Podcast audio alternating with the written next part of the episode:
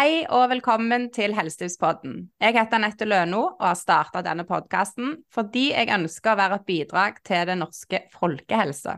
Og en måte å få det til på, er at jeg inviterer gjester som kan mye om helse, og ber de dele av sin kunnskap og beste helsetips med deg som lytter. Og du kan òg bidra ved at du legger igjen en vurdering og anmeldelse av Helsetipspodden på din podkast-app. Det bidrar til at Helsetipspodden når ut til enda flere.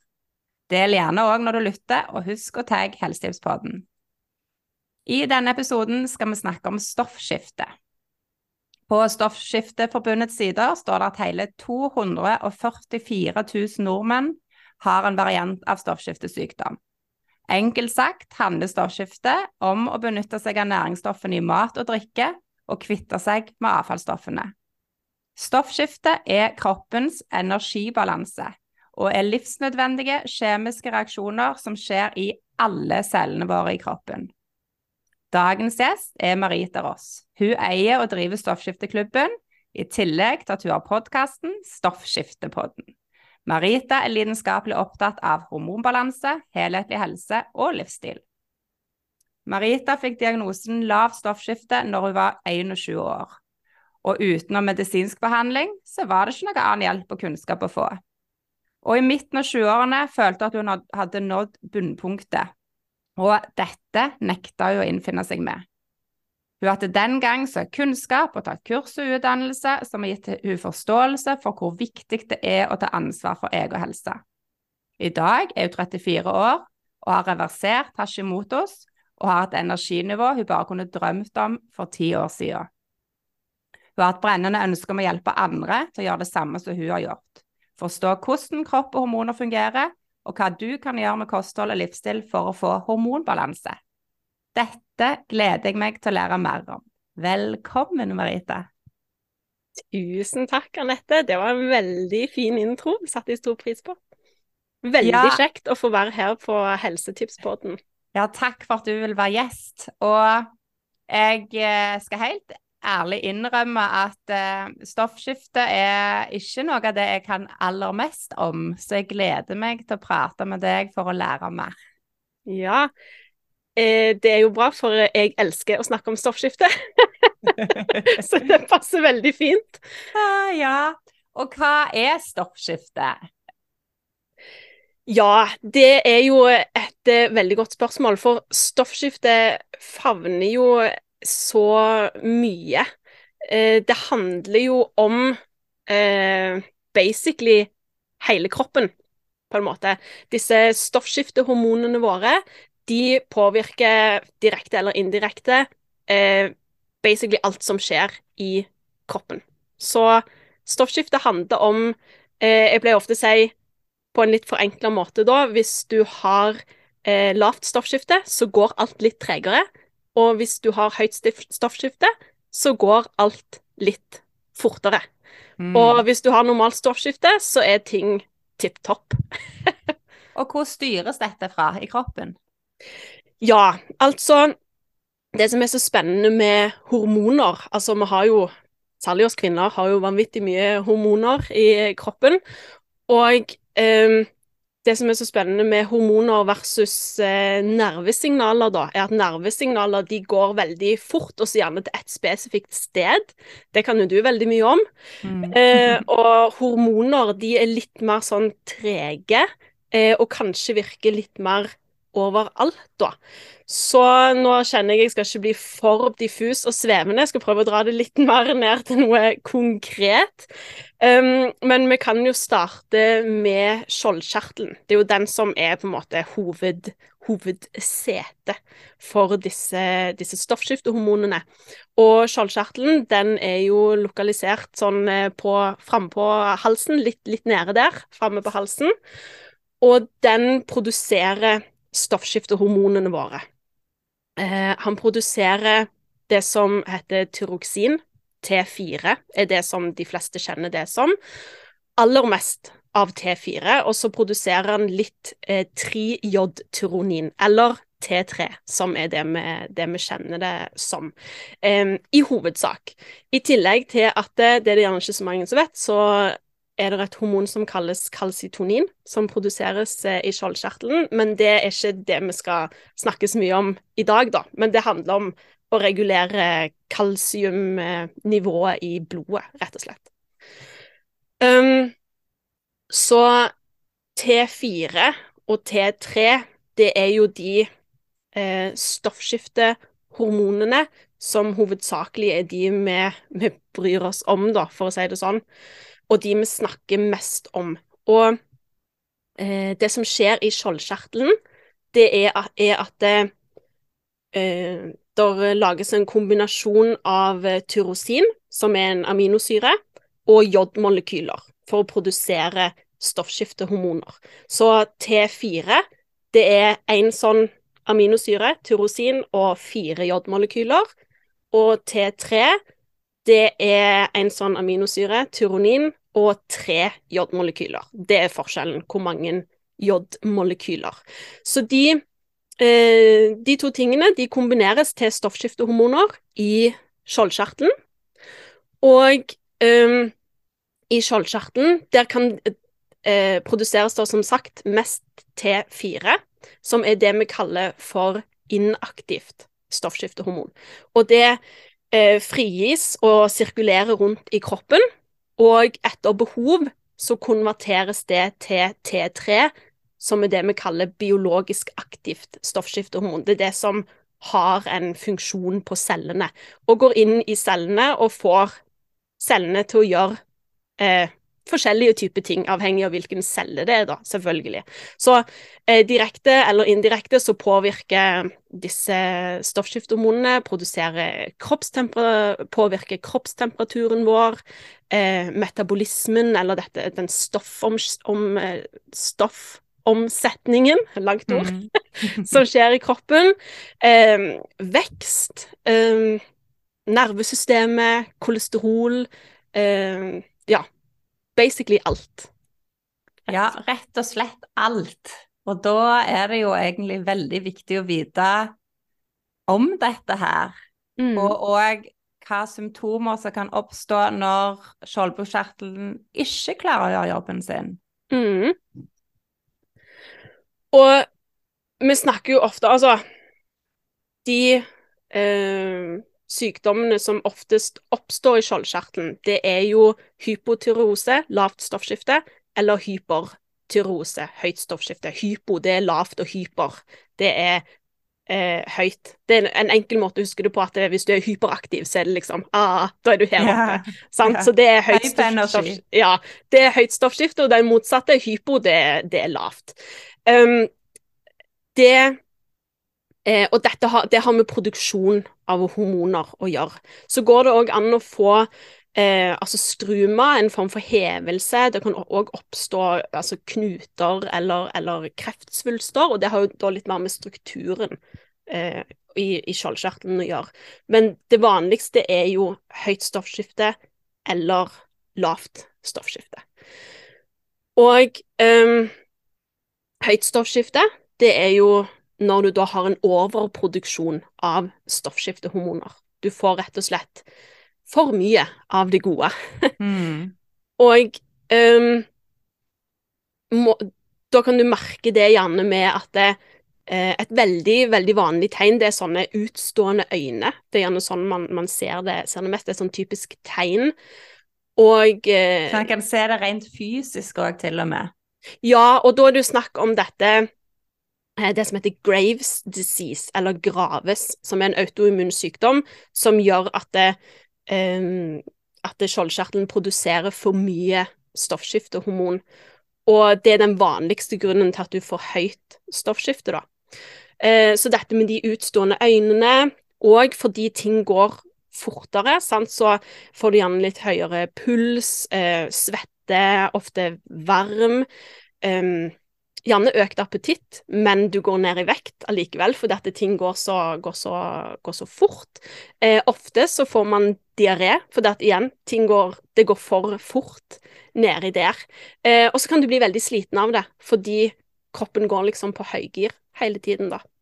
Det er sånn typisk høyt stoffskifte, mens lavt stoffskifte, det er det er jo det er egentlig det motsatte, sant? for da går alt tregere. Sant? Du er kald, fryser mye, eh, tørr hud, svetter lite fordi kroppen må liksom holde på den, den varmen han har. Um, der går man gjerne opp i vekt, selv om mange opplever en, et dårligere appetitt. Um, ja, du får lavere puls, ofte konsentrasjonsvansker, hjernetåke, eh, forstoppelse. Motsatt, ikke sant? Ting går, ting går tregere, rett og slett. Ja, så det er jo det, typiske symptomer på at det noe er i ulage med denne skjoldkjertelen vår. Ja, og litt de symptomene du beskriver, er jo gjerne ikke sånn at man tenker at åh, oh, nå er jeg syk. Men det der avviket fra vår egen normal på at enten er måte, veldig høy i den energien eller veldig lav, mm. så er det jo lurt å kontakte fastlegen for å ta noen prøver. Definitivt. Ja, og er det vanlig da å få tatt disse blodprøvene hos fastlegen? Um, både ja og nei. Her har vi jo en liten sånn, eh, hva skal vi kalle det, uh, uenighet blant oss som driver innen naturmedisin og det som gjerne kaller konvensjonell medisin, da. Um, for de vanligste blodprøvene for å kartlegge hvordan det står til med funksjonen av skjoldkjertelen, det er um, TSH, som er uh, thyroid stimulating hormone. Som, det er signalet fra hjernen om hvor mye um, stoffskiftehormon som skal produseres i skjoldkjertelen. Det er sånn at det, jo, Når det gjelder hormoner, har vi jo en helt fantastisk mekanisme i kroppen som heter negative feedback, eller negativ tilbakekopling. Og den, så hjernen registrerer alltid hvor mye hormon der er tilgjengelig i kroppen. Og når det gjelder stoffskiftehormon, da, så er det sånn at hvis han registrerer at det er eh, for mye stoffskiftehormon tilgjengelig, så produserer han dette signalet da, til skjoldkjertelen, TSH, om at nå må du slå ned produksjonen. Og motsatt, hvis du har lite stoffskiftehormon, stoffskiftehormon tilgjengelig i kroppen, så vil hjernen registrere det, og så vil han gi signal til skjoldkjertelen om å produsere mer. Det vil jo da si at han må produsere mer TSH. Så TSH det er det signalet fra hjernen som registrerer hvor mye um, stoffskiftehormon som er tilgjengelig i kroppen. Så den blir testa. Det er jo selvfølgelig viktig å teste. Og så tester man veldig ofte fritt T4. Det er jo den, det stoffskiftehormonet som det produseres mest av i skjoldkjertelen. Og det er det som er forløperen til T3, som er det biologisk aktive stoffskiftehormonet. Så TSH og fritt T4, det er de, de vanligste prøvene å, å ta, da. På, på, dette her. Viktige prøver. Mm. Eh, og så kommer jo her med i min krets mener at vi bør ta litt flere prøver for å få, for å få et litt ja, mer solid bilde av hva som faktisk skjer i kroppen, da. For vi ønsker jo at i tillegg så måles fritt T3, og det er jo, for som jeg sa, skjoldskjerten produserer mest T4, og det må konverteres til T3 i kroppen. Den konverteringen skjer hovedsakelig i lever og i tarm, så det er viktig med en god eh, lever i tipp topp stand og en tarm i tipp topp stand. Og eh, ja, så T4 må konverteres til T3 i kroppen for å bli biologisk aktivt. Mm. Og hvis vi ikke måler hvor mye fritt T3 som finnes, så vet vi ikke om denne konverteringen fungerer optimalt. Så vi ønsker jo, eh, jeg og vi som holder på med, med, med det som jeg holder på med, ønsker jo òg at vi skal måle fritt T3, i tillegg til eh, antistoffer. Fordi den vanligste grunnen til at du utvikler både høyt og lavt stoffskifte i dag, det er eh, autoimmune sykdommer. Og autoimmune sykdommer, da produserer kroppen antistoffer, som er et signal til immunforsvaret om å gå til angrep på forskjellige vev i kroppen. Um, og disse antistoffprøvene, det er anti-TPO for uh, lavt stoffskifte. Og um, Tidligere kalte man for TSI, nei, TRAS, TRAS, men nå går man over til TSI, som er antistoffer for, for høyt eh, stoffskifte, da. Er det en blodprøve en kan ta hos fastlegen, eller må en på noe sånn ja, spesialklinikk? Alle disse blodprøvene kan fastlegen uh, ta. Kan, og i min mening bør ta. Ja. ja.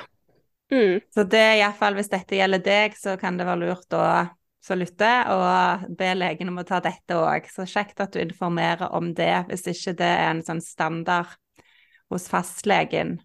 Mm. Og så nevnte du at det med eh, årsaker til autoimmune sykdommer Vet vi andre årsaker? Ja, absolutt. Så for eh, høyt stoffskifte, hypertyreose, så er eh, den Graves disease, Graves disease Det er veldig mange sånn vanskelige ord når det kommer ja. til stoffskifte. Det gjør det jo ikke lettere å forstå, sant? Nei. Men eh, Graves, som vi ofte sier på norsk, da, ja. Det er den vanligste Det er en autoimmun sykdom der eh, skjoldkjertelen overproduserer stoffskiftehormon. Og det er jo den vanligste grunnen til at du utvikler høyt stoffskifte i dag. Men der er jo òg Den vanligste betyr jo ikke at det er den eneste grunnen, mm. selvfølgelig. Det kan òg være um, det som vi kaller for knutestruma, at du har en forstørra kjertel, at det utvikler seg sånne knuter. Um, vil det kunne ses da på halsen at han har en sånn hevelse? Ja, at du er hoven, og så vil jo òg legen hjelpe å undersøke nærmere, selvfølgelig, for, for å avdekke hva som, er, hva som, er, grunnen. Ofte så ser vi det hos eh, eldre personer som har hatt eh, jodmangel. Um, og så kan du òg ha, ha, det som, som kalles hypofysesvulst, da. Så det er, det er, de andre grunnene til at du kan utvikle høyt stoffskifte. Høyt stoffskifte er jo eh, I, hermetegn så sier man den er farligere enn lavt stoffskifte, fordi blir det ikke gjort noe med, så kan det fortere føre til eh, alvorligere situasjoner, da. Så ofte blir eh, Min erfaring er at høyt høyt stoffskifte blir ofte tatt litt mer på alvor i helsevesenet, og, og man bruker litt mer tid og krefter på å, på å undersøke det, da. Som selvfølgelig er, veldig, veldig bra. mm. um, og for uh, lavt stoffskifte så er jo den vanligste grunnen igjen uh, en autoimmun sykdom som heter Hashimotos tyroiditt. Og det som skjer i dette tilfellet, som for høyt stoffskifte, så skjer det en overproduksjon av stoffskiftehormoner, mens eh, for Hashimotos, som da fører til lavt stoffskifte, så eh, blir celler i skjoldkjertelen ødelagt, sånn at det, over tid så vil eh, skjoldkjertelen produsere mindre og mindre stoffskiftehormon, og, og sånn at du da får lavt stoffskifte fordi du får for lite produksjon av stoffskiftehormoner. Det er den vanligste grunnen. Men igjen, det finnes jo andre årsaker der òg, selvfølgelig. Um, eksempel behandling for høyt stoffskifte. Det blir gjerne behandla med radioaktivt eh, jod eh, eller kirurgi for å, for å sette skjoldkjertelen ut av spill. Um, da, da, vet du jo årsaken til at du har fått lavt stoffskifte, hvis det, har, hvis det har skjedd med deg. Tidligere så var mangel på jod en kjempestor grunn til at vi utvikla lavt stoffskifte. Eh, rett, rett, og slett fordi stoffskiftehormoner det består jo av denne aminosyren, eh, tyrosin, og jodmolekyler. Så du må mm. ha jod for å lage stoffskiftehormoner. Og tidligere så var det den vanligste grunnen til at vi eh, utvikla lavt stoffskifte. Det er ofte en vanlig grunn nå i, eh, i eh, utviklingsland, faktisk, men her i den vestlige verden er det, er det autoimmun sykdom som, som regel er grunnen, men jodmangel kan òg være en grunn her òg. Selv om det blir mindre og mindre vanlig her, så kan jo det fremdeles være en grunn. Og så kan, kan en ta en blodprøve da for å sjekke hva jodnivået en har, eller om vi skulle ta tilskudd? Uh, urintest er det beste å sjekke jod i, faktisk. Og det er òg noe som du kan sjekke hos, uh, hos fastlegen. Og så mener jeg å huske at når jeg var gravid, at det ble anbefalt å ta jod for å forebygge for fosteret sin del. Mm. Når du er gravid, så øker jo faktisk eh, behovet for stoffskiftehormoner, for da vil fosteret få eh, stoffskiftehormonene først. Eh, og det, fosteret blir jo prioritert over mor. Um, og da skal du plutselig forsyne dette fosteret med stoffskiftehormoner for å vokse og gro og utvikle seg i tillegg. Mm. Mm. Og så er det jo Hashimotos du har. Ja. Stemmer det? Ja. Ja. Og jeg eh, forsto at du til og med hadde klart å reversere det. Jeg har klart det, ja. Eh, og det Altså, med å reversere, for det er på en måte Det er jo liksom forskjell på å reversere og bli frisk, da. Um, når jeg fikk diagnosen lavt stoffskifte, som jeg fikk veldig tidlig, eh, i starten av 20-årene hvordan merka du det, da? Jeg merka det ikke i det hele tatt. Nei. Det var tilfeldig at det ble oppdaga hos meg, faktisk. Jeg var inne for noe annet som jeg ikke husker hva var engang. Og av en eller annen grunn så tok den legen stoffskifteprøver av meg. Så det var jo en veldig oppegående lege som gjerne tenkte at noen av disse symptomene kan være lavt stoffskifte.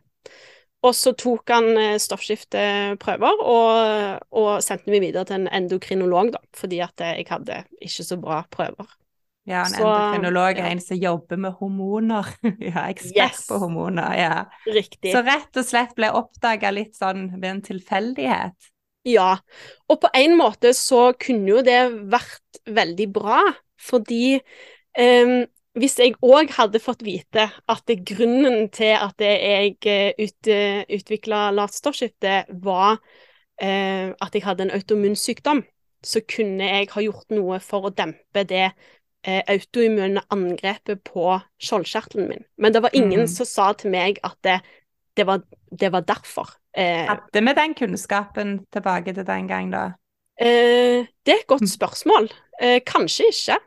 Men kanskje Eh, det er forklaringen at eh, han ikke gjerne visste det så tydelig, og derfor ikke ja, så Ja, på men- forståelsen for det.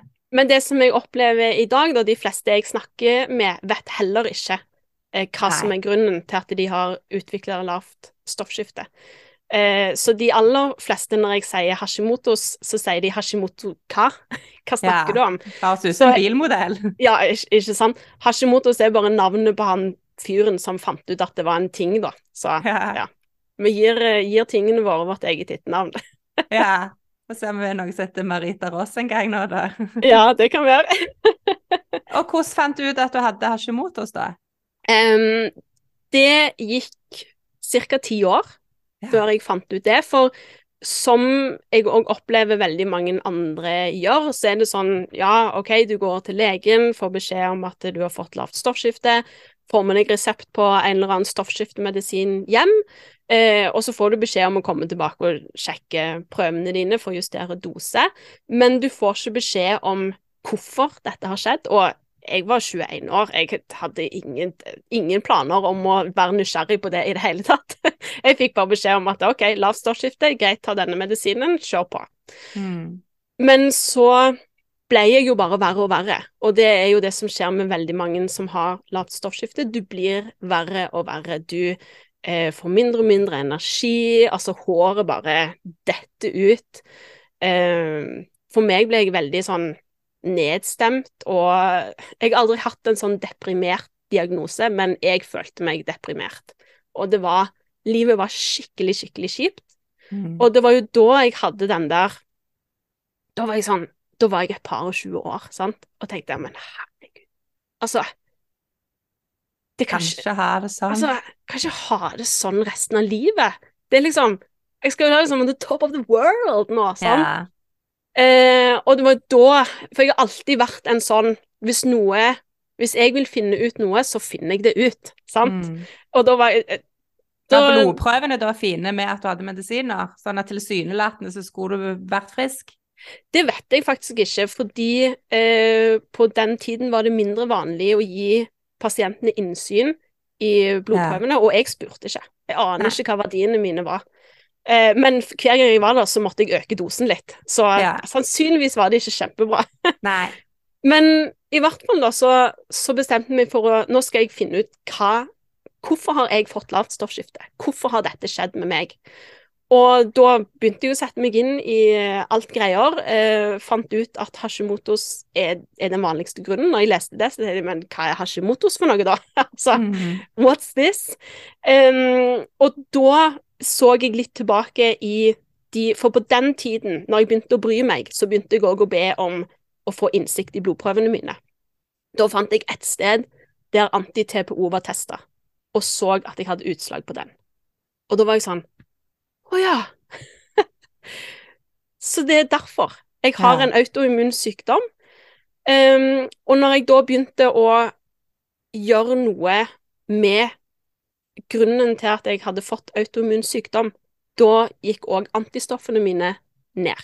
Mm. Så antistoffene mine nå har vært veldig lave i fem-seks år. Og det er jo det som er på en måte Eh, for nå starta jo denne historien med det forskjell på frisk og på en måte eh, reversere Hashimotos. Jeg har fått ned autoimmun aktivitet i kroppen, så jeg har veldig lav autoimmun aktivitet i kroppen. Har ikke fått den ned på null ennå, det jobber jeg med, kanskje en dag. Um, men jeg har jo fått lavt stoffskifte, fordi skjoldskjerten min har fått bank i ti år før jeg visste at han fikk bank. Mm. Eh, så veldig mye av skjoldskjertelen er jo ødelagt, så den har jo en lav funksjon. Og det vil han nok ha resten av eh, livet mitt. Med mindre mm. noe revolusjonerende skjer. Det hadde ja, vært gøy. Vi lærer jo noe nytt om eh, kropp og helse, og det forskes, og ja. Så mm. plutselig så kan vi få ny kunnskap som uh, gjør at Ja. Hvem vet? Ja. Og da For at sant, Sånn som du sier, at med å gjøre tiltak for autoimmune sykdommer, så kan en reversere. Og det er så fint at du poengterer, for det, det betyr jo òg at hvis f.eks. en kostholdstiltak, hvis det er hoved- eller primærårsaken Så hvis en da begynner å spise veldig usunt igjen, sover lite og eh, gjør mye feil igjen, så er det jo stor risiko for at det høyaktiveres, tenker jeg. Mm. Det så jeg jo for eksempel eh, i fjor, når eh, I fjor sommer så hadde jeg den populære sykdommen som uh, har vært uh, ganske høy de siste årene. begynner på C. Uh, ja, den som begynner på C. og da gikk antistoffene mine opp etterpå. Ja. Så det var jo en ganske stor reaksjon på, på, det. Så det er klart, de, de, tiltakene jeg har gjort jeg må jo på en måte, Det jeg har gjort, er jo å fjerne grunnene til at jeg har fått en autoimmun sykdom. Og hva har grunnene vært for deg, da? For nå blir jeg nysgjerrig. ja, ikke sant? Altså, Eh, og det, jeg syns jo dette her med autoimmune sykdommer er utrolig spennende. Kunne, det kunne jeg ha snakket om i en halv Eller det gjør jeg jo for så vidt òg på eh, Instagram og sånt, og så jobber jeg i vei om det. ja, Men, og av autoimmune sykdommer så er det jo stadig økende antall, og det er ja. Veldig. Sånn at eh, jo... går til angrep på eget immunforsvar, og så syns jeg òg det er spennende å se nå at eh, en, en, mulig årsak til autoimmune sykdommer er lavgrad inflammasjon i kroppen. og Hvis mm. du kan få ned det, så begynner vi mm. å snakke reversering av sykdom da. Ja, og det er jo faktisk identifisert over 100 autoimmune sykdommer, og det har vært en kjempevekst av, av det. Jeg så eh, faktisk på Verdens helseorganisasjon så mener jeg det står over 200 nå. Og såpass, ja. ja. ja. Så dette her er jo bare Og så får vi håpe at vi klarer å bremse det, så det ikke kommer enda flere varianter. Ja, absolutt. Um, og det som er i forhold til autoimmune sykdommer, der er en, en, fyr som heter Altså, han heter doktor Fasano, jeg husker ikke hva han heter til fornavn, men han har sett veldig mye på dette her, og han mener da at det fins tre grunner til at du utvikler en autoimmun sykdom, sånn som Hashimotos og Graves, eh, og alle autoimmune sykdommer, at det har det samme på en måte Kall det hendelsesforløp, da, eller eh, tre ting, da. Og den første er jo at du må ha gener for å utvikle det. Og de genene kan du obviously ikke gjøre noe med. De har kommet som et del av designet ditt. Eh, men så er det jo eh, Det som er med gener, er Hvis du har anlegg for å utvikle noe, så er det jo eh, faktorer som bestemmer om genene slås på eller ikke, da. Og så jeg har jo tydeligvis gener for å utvikle Hashimotos, siden jeg har utvikla det. Mm. De kan jeg ikke gjøre noe med. Men så er det òg eh, to andre ting som må være til stede. Det må være en eller flere triggere som setter dette her i gang. Og det finnes ulike triggere, men de vanligste det er matintoleranser, næringsmangler, eh, infeksjoner, stress, traumer, mye hormonforstyrrende stoffer og en overarbeida lever, da. Um, og den uh, tredje tingen som, måte, som, må være til stede da, for å utvikle en autoimmun sykdom, det er det som vi kaller for lekktarm. Og lekktarm høres jo helt grusomt ut. Jeg tenker, kunne vi ikke ha funnet et bedre ord for det? Men, ja. Eh, men, det er jo veldig beskrivende for det som skjer.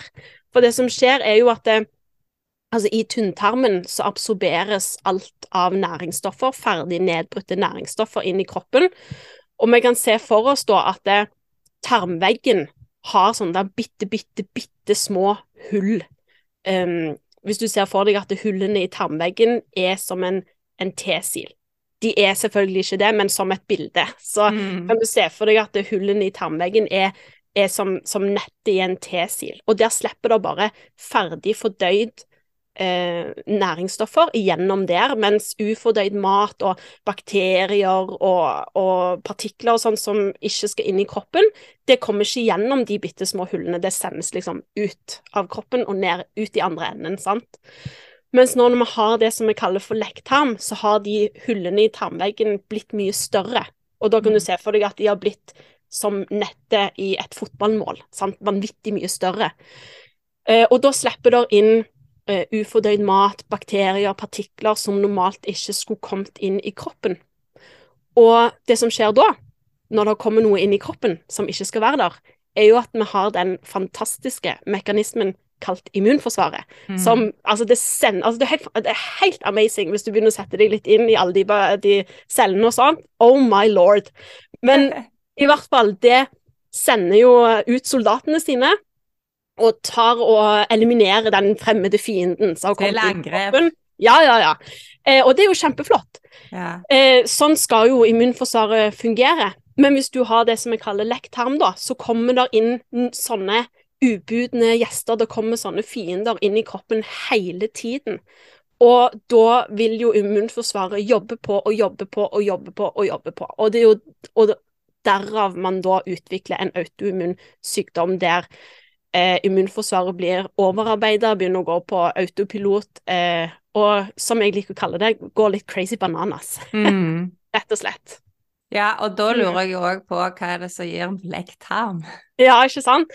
Og, og her er jo den um, for, for, å forenkle det, så sier man det er gener, en eller flere triggere, eh, og lekktarm. Men disse triggerne og lekktarm de henger litt sånn sammen. For en del av disse triggerne som kan eh, være, sette i gang autoimmun aktivitet i kroppen, det er òg tri triggere som kan gjøre at du får eh, lekktarm, da. sant? Den desidert største årsaken til at du får lekktarm, det er gluten. Fordi mm. gluten i tarmen, eh, når du har spist gluten, så produseres det et stoff som heter sonulin, og det er med da å åpne disse, eh, disse eh, tight junctions, som vi kaller det. Disse, altså, det er med å lage hullene i tarmveggen større, rett og slett. Mm. Eh, det har man sett at har en direkte sånn årsak-virkning på det. Men det kan òg være ting som matintoleranser, næringsmangler, særlig sink og glutamin i tarmen, eh, parasitter, denne magesårbakterien, som er eh, Hva er det? Helicobacter pylori? Han ja, heter. det er så vanskelige ord ja. for disse her. Ja. jeg kaller han H. pylori, for det vet jeg ikke hva å si. Eller magesårbakterien. Eh, SIBO, eh, Small Intestinal Bacterial Overgrowth. Over, eh, og for mye bakterier i Ja, for mye feil bakterier i tynntarmen. Eh, og sopp candida, gjerne den, eh, den, vanligste. Det er sånne ting som kan være med og gjøre at du får lekt tarm, da. Og hvordan finner en ut av at man har lekt tarm? Nå kommer ja. liksom videre i spørsmål og forståelse her. ikke sant? Um, det er Det går Altså, det finnes tester som du som regel ikke får gjort hos uh, fastlegen. De er gjerne litt litt eh, dyre og vanskelige å klare å, å, å bestille, rett og slett. Men så Jeg pleier ikke å egentlig anbefale folk å teste om de har lekt tarm. Jeg pleier jo bare å si anta at du har det, på en måte. Mm. Hvis, du, hvis du har autoimmun sykdom, anta at du har lekt tarm. Og iallfall med tanke på symptomene. Ja. Ja. Mm. Ja, og så spurte jeg jo for en stund siden, og så spora vi av, for det er Ja. så mye jeg lurer på underveis. Ta meg tilbake. Ja. Hva gjorde du for uh, hva, ja, hva som var viktig for deg, da, å få, få hjelp for uh, tilstanden? Ja, Gi Mm. kjærlighet til skjoldbruskkjertelen. Ikke sant? Um, når jeg satte meg inn i ting og bestemte meg for at nok er nok Jeg har ikke lyst til å føle meg som møkk resten av livet. Er det lov å si møkk? Ja, ja. En god beskrivelse. Ja. Um, det som gjorde den største forskjellen for meg, det var maten. Det var der jeg starta. Um, og jeg var eh, på min sånn eh, endring av matreise, så var jeg innom mange, mange fallgruver og blindgater. Mm. Eh, Blant annet sa de en periode der jeg spiste vanvittig mye ultraprosesserte lavkarboprodukter, men det kan vi snakke mer om en annen gang. Det var ikke Ja. bra for tarmen min, i hvert fall. Eh, Men oh, ja. det som jeg, det som jeg endte opp med slutt, da, det var jo um, mat som holder blodsukkeret stabilt, og som faktisk inneholder de næringsstoffene kroppen trenger. Fordi alt som skjer i kroppen, er avhengig av visse næringsstoffer. Og hvis du ikke får i deg de næringsstoffene, så kan du ikke forvente at kroppen skal fungere, da. Sant? Så Og stabilt blodsukker, det er alfa og omega for å ha hormonbalanse. Så blodsukkerstabil og næringsrik mat, det er, det er det som har gjort aller, aller, aller størst forskjell for meg. Det var der jeg starta. Det var der det var lettest for meg å starte. Ofte sier jo der start der det er lettest, sant, men det det, var, det ble min inngangsport til å ja, få få mer energi. Det er nok der jeg merker det best. Jeg har mer energi, jeg sover bedre. Eh, jeg har det bedre, sant, Mm. oppi, oppi hodet. Um, jeg Ja, har for sånn har den som du følte med av depressive følelser, har det òg gitt seg? Ja, det definitivt. Det som er litt sånn Det som er litt morsomt, for det Eller morsomt, jo, la oss kalle det morsomt. Men det var liksom maten, det var der jeg starta. Eh, og så gikk jeg For det er jo, det er jo en helhet, sant. Det, det er ikke kun mat. Eh, selv om det er veldig viktig, har mye å si at du får i deg de næringsstoffene kroppen trenger. Så eh, det neste som jeg gjorde da, det var at jeg ble oppmerksom på hvor mye hormonforstyrrende stoffer har å si. Det var jo når jeg virkelig begynte å sette meg inn i ting. Så skjønte jeg at det, særlig altså, eh, for oss damer, da, talater og parabener eh, og eh, plast Hvor finner vi dette henne? Ja, ikke bra. Eh, men sånne eh, Altså, disse hormonforstyrrende stoffene finner vi jo i hud- og hårpleie. Så jeg har bytta ut alt jeg har med naturlige produkter, da. Som, altså med produkter som ikke inneholder hormonforstyrrende stoffer. Eh, og bare sånn, hvis du som hører på nå tenker at oi, shit, nå må jeg gå og ta med meg en svart søppelsekk på badet og bare hive alt jeg har, så ikke gjør det, sant? Eh, ta, for det kan bli veldig overveldende, og liksom systemet ditt får sjokk, lommeboken får sjokk, alt får sjokk. Så det som jeg gjorde, var at når jeg gikk tom for den bodylotionen jeg hadde brukt i ti år, som var helt grusom for hormonsystemet mitt, eh, men jeg brukte den opp. Det gjorde jeg. Og når jeg skulle kjøpe ny, selv om det føltes litt som en sånn tap, fordi den hadde liksom vært min følgesvenn gjennom alt, følte jeg, eh, så lot jeg den gå. Jeg ga slipp på den, og kjøpte et bedre alternativ. Så når jeg gikk tom for noe, så kjøpte jeg et bedre alternativ. Så liksom, det tok kanskje et år å bytte ut alt jeg hadde. Men er det noe helt spesielt en kan se på av innhold da, som, en bør, som du tenker en bør styre unna?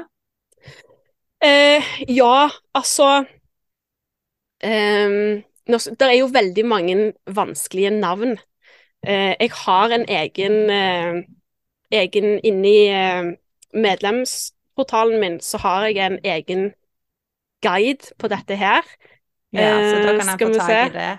Og Ja. så tenker jeg òg at eh, kanskje hvis en ikke skal nødvendigvis se på alt en skal kutte ut, men hvis en skal gjøre endringer, at en finner det som er renest mulig, da. Ja, altså det Min-. Min go to body lotion er kokosolje. Ja. Liksom. Det passer, og det passer veldig bra for min hud. Altså, noen andre er det kanskje mandelolje som føles bedre. Vi har jo forskjellige hudtyper, men eh, jeg bruker kokosolje. Eh, Mm. og gjerne en sånn eh, Hvis jeg er solbrent, så har jeg litt eh, lavendel oppi eh, for å roe litt ned. Eh, men, men det er jo typisk sånne ting som slutter på Ofte vil i ingredienslisten vil noe slutte på paraben. Det vil ha noe fancy, og så slutte på paraben. Eh, og så da eh, de sånn SLS-tingene som, som ofte skaper, skaper forstyrrelser i hormonsystemet, da. Og så er det så synd å tenke på at det som på en måte selges, og spesielt av oss kvinner, og med å tukle med hormonene våre. Er det Mm. nok forskning i dag, eller kommer det mer forskning som, som avdekker det, sånn at det kan bli endringer? Har du noe innblikk i det? Nei, altså det som er Det som er greia, er at alle disse eh, ingrediensene som vi finner i forskjellige sånne produkter, da, de er jo testa. De må jo testes for at de skal være lov. Og så har man testa hvor stor Hvor høy verdi kan man ha for at det kalles for trygt, da. Eh, men man har jo bare testa ett og ett stoff Mm. og ikke alle stoffene samtidig. Eh, Så denne cocktail-effekten, som det kalles da, den er jo eh, gjerne ikke testa. Det må komme. Sånn er det jo med ultraprosessert mat òg, og Mm. tilsetningsstoffer. Så hvert, et, hvert eh, tilsetningsstoff er testa som vurdert til trygt, men den totale summen for et menneske i løpet av ei uke er det jo ikke noe eh, enn så lenge eh, forska på, dessverre. Og det Mm. tenker jeg er så nødvendig at vi må ta på alvor. Det er jo eh, en, eh, en ei dame som er veldig flink innen eh, særlig Hashimotos, da, som heter dr. Isabella Wentz. Hun har jo i en av sine bøker en sånn eh, teori som selvfølgelig ikke kan eh, bevises, og det er jo hun veldig tydelig på at dette kan ikke bevises, men det er jo en tankevekker at eh, stoffskifteproblemer er mest utbrent blant damer. Eh, og det er jo vi som liksom kliner inn kroppene våre med all slags eh, forskjellige mm. greier, da. Det er jo en tankevekker, uten at det kan Vi kan ikke bevise at det har en sammenheng, selvfølgelig, men eh, Vi trenger iallfall å lære mer. det gjør vi. Ja. Det gjør vi. En annen ting som faktisk òg har en direkte eh, en direkte påvirkning på stoffskiftehormoner, det er eh, det er plast. Og da, altså BPA i plast, men nå kommer det jo erstatningsprodukter for BPA som egentlig basically har samme effekt, sant. Så det som òg kan være veldig lurt å tenke på, eh, er eh, at du eksempel ikke ikke varme opp mat i mikroen i en plastboks, for da frigis disse her eh, tingene og går inn i maten vår som vi ikke vil, eh, vil ha da. Og så ha en, ha en termokopp i, i liksom ikke i plast, på en måte, til å ha kaffen din i og, og sånne ting. For det er ofte plast og varme som gjør at vi får, um, får disse her molekylene vi ikke vil ha i oss. Godt tips. Mm. Så Så- du nevner kosthold, og da er det mest mulig råvarebasert kost og god næringstetthet. Og nå begynner det å bli noen episoder av Helsetipspodden, og vi har jo vært borti ulike tema, men er det én gjenganger, så er det jo akkurat dette her. Så det er jo viktig for alt når det gjelder helsa vår. Ja, Definitivt. Absolutt. Og i tillegg, da, for du spurte meg litt om hvordan har jeg det nå inni, inni hodet mitt. Ja, ja for det at når vi snakker om stoffskifte, og ja, jeg har jo tatt medisin grunnfag og leser jo mye og sånn, men det, er sjelden det snakkes noe om eh, det mentale og psykiske knyttet opp mot stoffskifte. Som regel mm. er det jo omtalt med kroppslige, fysiske symptomer.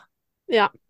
Og det er klart, disse Altså, dette her med å på en måte liksom passe på at du spiser maten du trenger, og gjerne redusere hormonforstyrrende stoffer, det er jo selvfølgelig viktig. Men det som skjer inni hodet, er vel så viktig, og jo mer jeg jo mer jeg holder på, jo lenger jeg kommer på denne reisen, jo flere folk jeg snakker med, jo mer skjønner jeg hvor stor påvirkning stress har, og òg emosjonelt stress. Ikke, mm. altså, selvfølgelig det at vi nå løper fra ting til ting og har tusen baller i luften samtidig, det aktiverer jo dette sympatiske nervesystemet vårt og denne liksom fight, flight mode. Um, men emosjonelt stress, altså lavt selvbilde, tankekjør, det der indre emosjonelle stresset, det har veldig, veldig mye å si faktisk for eh, hormonbalansen, men òg for, altså for å ha det bra, da, rett og slett. Ja, og det er jo hormoner som gjør at uh, vi har det bra. Mm. Og så er det én ting vi snakker om skjoldbruskkjertelen og, og stoffskifte, men hele det endokrine systemet, alt som styrer hormoner, er jo et, uh, et finstemt orkester. ja, ja, absolutt. For for der òg har du jo det at det um, Og det er der jeg liker, jeg liker å jobbe helhetlig, ikke sant? For det er jo, det er jo sånn at det, armen henger fast i kroppen, og eh, alle disse hormonene vi har inni oss, de, de, kommuniserer med hverandre, de er avhengig av hverandre. Så selv om stoffskiftehormoner er viktig, så kommuniserer jo de med alle de andre hormonene. Så mm. ja. Så jeg pleier ofte å ha Jeg har liksom um, tre sånne fokusområder, som jeg kaller det for, da. Og, og der det første går på, eh, går på maten og, og, fordøyelsen, at du har en god tarmhelse. Det er jo annet viktig for å faktisk konvertere disse stoffskiftehormonene, som vi snakket om i starten. Eh, og det andre området, det handler om eh, om stress og søvn og, og, bevegelse, gjerne det som skjer liksom mer på innsida oppi hodet. Eh, og den siste tingen handler jo om hormonforstyrrende stoffer og det å støtte leveren. For leveren eh, filtrerer jo alt i hele kroppen, sant? og skiller ut avfallsstoffer og ting som ikke skal være der, og konverterer stoffskiftehormonene dine og gjør en kjempejobb, rett og slett. Mm. Mm. Så det er liksom helheten. Vi må jobbe med, med helheten. Ja, og det må vi jo. Fordi mm. at alt påvirker. Og nå nevnte du det der med, som jeg òg syns er så spennende, med selvfølelse, selvbilde. Mm. At uh, det påvirker hormonene, som igjen kan påvirke funksjonen til skjoldkjertelen. Um, vil du dele noe hva du har gjort der, som har vært til nytte for deg? Eh, I forhold til selvbilde og, og emosjonelt stress, ja, absolutt. Um, jeg, jeg, går til samtaleterapeut. Det hadde jeg for noen år siden syntes var kjempeflaut å si høyt, men nå syns jeg ikke det i det hele tatt. Det er bra du sier det høyt. Ja, eh, det er ikke eh, meninga vi skal klare alt sjøl. Nei, og jeg snakket faktisk med en venn av meg tidligere i uka som òg har begynt å gå til, til, til samtaleterapi. Eh, og, og, vedkommende sa da at eh, det er sånn det er sånn, hvis du, hvis du, har litt vondt i en albu, så springer du til doktoren, sant? Eh, men det som skjer oppi hodet ditt, i hjernen din, det er så ekstremt mye mer komplekst enn noen ting som skjer fysisk i kroppen. Og, mm. det, skal liksom, og det tror vi at vi skal klare å takle på egen hånd. Fiks sjøl, ja. ja. Så det å snakke med noen, eh, en sånn nøytral tredjepart sant, som kan hjelpe deg å sortere tanker og, og ser hvor henne du kan, og hvordan du kan jobbe og ha liksom, verktøy til å hjelpe deg, er helt gull. Helt gull. Så det, det har jeg gjort. Um, I tillegg så har jeg tatt eh, eh kurset til Anniken Binds. Hun òg er helt rå på, på, dette her med selvbilde. Det var sånn mm. Mind-blowing å ta det kurset hennes. Så, så bra. Og hvis du ikke har fått med deg den episoden der jeg har Anniken Bind som gjest i Helsetipspodden, så gå og finn den òg. Ja, gjør det. Eh, er, Det finnes jo mange som er gode på det, men hun er liksom den jeg fant som resonnerte til meg, som er helt steingod på, på selvbildet. Og det er jo litt òg at mange personer kan si det samme, men det er først når en spesifikk person gjerne sier det, at det, det resonnerer hos deg, da. Mm. Så, um, så, det er jo litt sånn uh, å, å, å, lete litt fram. Jeg ser, for, jeg ser det litt sånn at jeg har jeg har skapt mitt eget helseteam, da. Sant? Ja, Der jeg har liksom eh, Jeg har noen som hjelper meg med, med Ja, ja, nå hjelper jeg jo meg sjøl med kosthold, da, for dette, det er jo der jeg kan aller mest, sant. Ja. Um, så har jeg noen som hjelper meg med det som foregår oppi hodet mitt, og så har jeg noen som hjelper meg med liksom det fysiske i kroppen, sant. Så jeg har liksom skapt mitt eget helseteam, da. Fordi det er ikke meningen at du skal klare alt alene, og i hvert fall det som foregår oppi hodet ditt. Det er sånn No way! Det er så, så. Og så er det jo litt sånn, mange som tenker, ganger tenker meg, ja, ja, men sånn er jeg jo bare. Altså, jeg har alltid mm. vært sånn. Og så er det nei, hjernen er plastisk, den kan endres. Vi kan jobbe med ting. Og forrige episode nå i Helsetipspodden så har jo Herman Egenberg delt takknemlighetslydfiler, mm. som òg er med å styrke selvbildet, som gjør at vi kan ta bedre valg. Så det fins hjelp å få, og det, mm. ja, det er så fint. Mm. Ja. Ja, dette her med Ja, det er ikke Noen syns kanskje Og det er litt det samme som jeg opplever med, med folk som skal få hjelp til å gjøre en endring i kosthold òg. At vi, vi, føler at eh, det er flaut å spørre om hjelp, ikke sant? Mm. Fordi at det, vi tenker at ja, men det burde jeg jo vite. sant? Og det samme det som skjer liksom oppi hodet ditt, ja, men det burde jo jeg klare å takle. Og så er det sånn, nei, det er jo ikke Altså, vi har jo gått på grunnskole i ti år for å lære oss gangetabellen. Altså, har liksom, de har, hadde de fokusert like mye på, på, hvilken mat som eh, får kroppen din til å funke, og hva som faktisk skjer oppi hjernen din, så kanskje vi kunne takla det bedre. Ja, det er min store ja. drøm at vi skal ha masse som går på livsmestring inn i skolen, tilpassa ulik alder. Det er en sånn mm. visjon jeg har for fremtiden. Åh, oh, ja.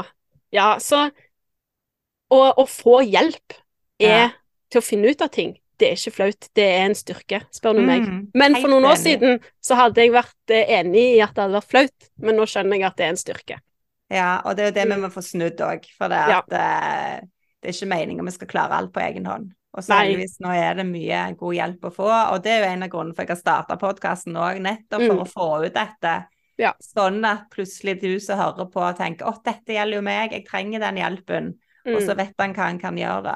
Ja, så viktig. Så det er um, kjempebra at du deler.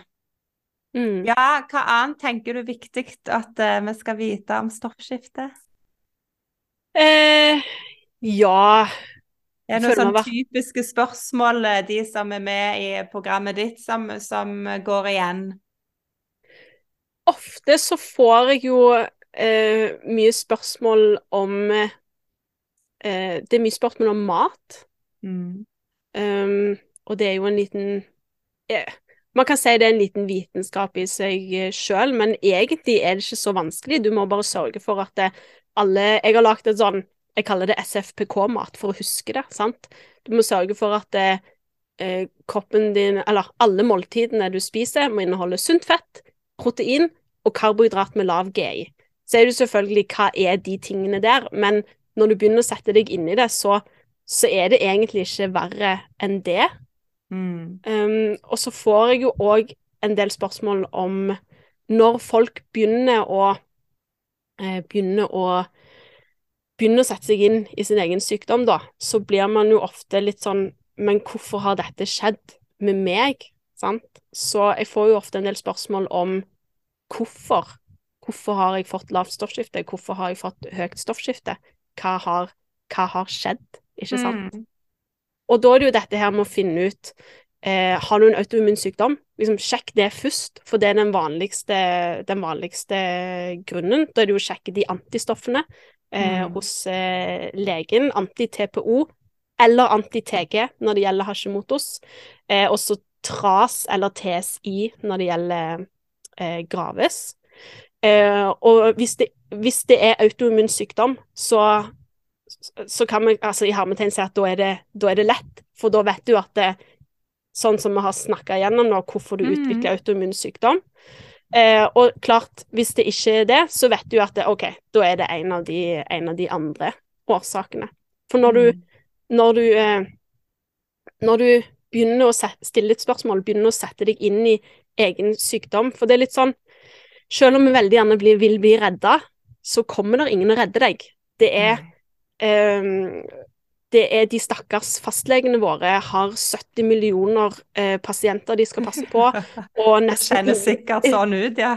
ja, og, og, og kjenner Har ikke nok tid til å, til å hjelpe deg så grundig som du kanskje trenger. Så, så du må faktisk sette deg inn i egen sykdom, og du må finne ut hvorfor har jeg blitt syk. ja. Eh, så det er liksom en sånn Og hva endring skal en gjøre? Og jeg pleier ofte å si du skal ikke tilbake igjen der du, der du var, uansett hva tilstand nesten, men en skal framover i en bærekraftig form. mm, Um, og så er det som du sier, det her med kosthold, stress, um, ja, nervesystemet. Det er så mye som er involvert, og det der er mm, kanskje, som du òg sa, bunne der du kjenner kanskje det letteste, eller du har mest interesse for å gjøre endringer òg. mm. Ja. ja, det pleier jeg å si til For når noen kommer til meg og gjerne vil ha hjelp til å gjøre en endring, så de aller, aller fleste er det føles det naturlig å begynne med maten, og der, Mm. der ofte de fleste ønsker å begynne.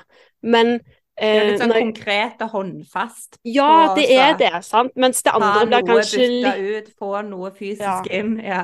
Det andre blir kanskje noen ganger litt mer diffust eh, eller vanskeligere, så det føles litt, litt eh, tøffere å komme, komme i gang med. Men, men det er liksom dette med mat, tarmhelse, eh, stress, søvn, bevegelse, eh, hormonforstyrrende stoffer, en lever som funker. Alt det henger sammen. Og så er det sånn, når jeg da sier alle de ordene, så er det sånn Ta det som popper ut for deg. Sant? Der, yes, der starter jeg. Og så bare begynner du en plass. Sant? Begynn Mm. med det som du tenker dette resonnerer best for meg, da. Og så starter du der. ja, så Mm. bra. Takk, Marite. Og så pleier jeg å avslutte med om du har tre helsetips du ønsker å dele. Ja, det er jo det, er det vanskeligste spørsmålet jeg har fått på lenge. Ja, jeg vet det. For det er så mye. Eh, jeg har klart å koke det ned da, til tre Ja, ting. og grunnen jeg har spurt om det, er jo også sånn det er navnet på podkasten, men litt det der med å Ofte man lytter på no noe, og nå har det vært mye informasjon på det vi har snakket om. Mm, Så som en slags oppsummering og gjøre det veldig kort, sånn at en har noen sånn knagger å henge på videre resten av Ja. dagen og videre. Eh, ja. Eh, mine tre beste tips, da. Den første, det er jo faktisk det å bli nysgjerrig på og sette deg inn i egen sykdom. Og det er jo fordi det er bare du som kjenner din kropp best, sant? Og uansett hvor mye vi vil det, så kan vi ikke forvente at det andre kommer og ordner opp for oss. Vi er hvis vi vil ha det bra, så må vi skjønne hva som skjer, hva som skjer i kroppen. Da kan du òg be om den riktige hjelpen, sant. Eh, så det er nummer én, da. Bli nysgjerrig på og sett deg inn i egen sykdom. Og nummer yeah. to, som vi egentlig ikke har snakket så veldig mye om, men som seiler opp som noe av det viktigste, det er å prioritere å sove nok. Yeah. For det skjer så mye viktige greier når du, når du sover. Eh, så prioriter å sove nok. Um, tilpass en timeplanen din. Tidsnok for å få Ja. nok søvn. Ja. Legg deg tidlig nok, så skjønner jeg at folk som gjerne er i småbarnsfasen, blir sånn Å, gå vekk, jeg får det ikke til. Og det er klart, er du i småbarnsfasen, sant, så du gjør så godt du kan, men Ja, men der er mitt tips òg, for der har jeg vært i noen år nå. Legg deg tidligere. Det er så Ja. kjedelig, men uh, en trenger restitusjon, og det skjer så utrolig mye med hormonreguleringen når vi sover, så vi må Ja. sove nok timer. Og så er det ikke alltid vi får det til. Men legger vi oss klokka tolv, og ungen våkner fem, så får vi ikke nok timer. nei. Så sov nok. Eller Ja. pri prioriter å sove nok. For alle har like mange Alle mange har like mange timer i døgnet, så alle har Alle kan prioritere det. Um, og den tredje, som eh, Nå kommer sikkert alle på, som hører på Helsetipspodden til å hate meg, men det kan jeg klare å stå i, fordi denne er veldig Han er så viktig. Men den tredje er ikke drikk kaffe på tom mage om morgenen, men prioriter heller å spise en blodsukkerstabil og næringsrik frokost. Og hvorfor, kommer spørsmålet mitt da. Ja, ikke sant. Da kan vi lage en hel, hel eh, podkast-episode til. Jeg òg synder, og det er bare viktig å si, selv om jeg Altså, eh, don't do what I do, do as I say, sant. Fordi ja. at jeg òg drikker kaffe på tom mage om morgenen, selv om jeg vet at det ikke er bra for meg. Altså, mm. Jeg gjør ikke alle de tingene som jeg sier høyt at du bør gjøre. Altså, Men vi etterstrebet til å ta gode valg. Ja, ja. jeg òg er et menneske. sant? Jeg ja. gjør så godt jeg kan. Alle gjør bare så godt de kan. sant? Eh, men det har jo noe med Altså, det har jo noe med, eh, med koffeinet og Vi kunne jo lagd en hel episode på det. Ja, men har noe med, med eh, koffeinet og, eh, og, og, kortisolbalansen din og rett og slett hormonnivåene dine, da. At de skal mm. være i balanse. Det er kanskje det korteste. At hormonene ja. skal være i balanse. og vil du dele tips da på hva som er en uh, god frokost for deg? Um, God frokost for meg. Jeg går veldig sånn i perioder. Jeg elsker å lage min egen eh, granola. Det er kjempelett. Eh, som jeg spiser med Jeg bruker kokosyoghurt, for jeg tåler ikke melk så godt. Melkeprotein. Eh, så jeg spiser enten hjemmelagt granola med kokosyoghurt og gjerne noe bær på toppen. Tips hvis du syns sånn, eh, sånn naturell yoghurt er steinkjedelig på smaken, så ha oppi noe frosne blåbær, for da får du liksom smak på det, da. Eh, Eller så lager jeg meg en, en omelett, som regel, ja. med noe grønnsaker oppi. Det er, er det litt inspirasjon det der òg. Og så ja. gjerne følg eh, Marita på Instagram, for der deler hun litt av det hun lager, og det syns jeg er kjekt å se. Det var sånn Å ja, det kan jeg òg lage. Så får jeg inspirasjon, så det er kjekt. Ikke sant? Ja. ja.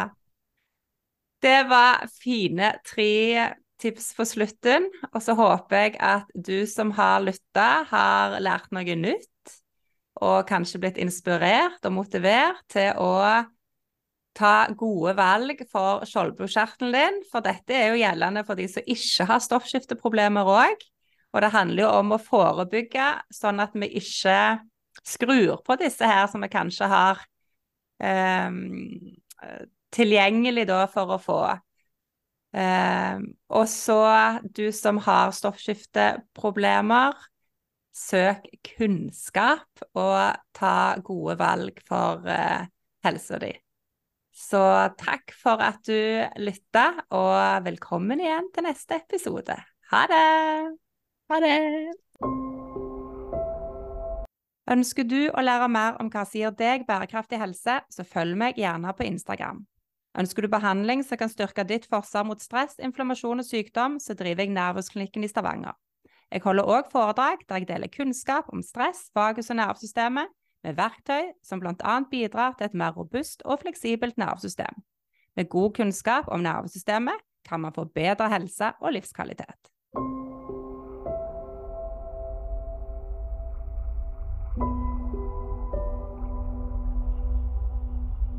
Mm-hmm.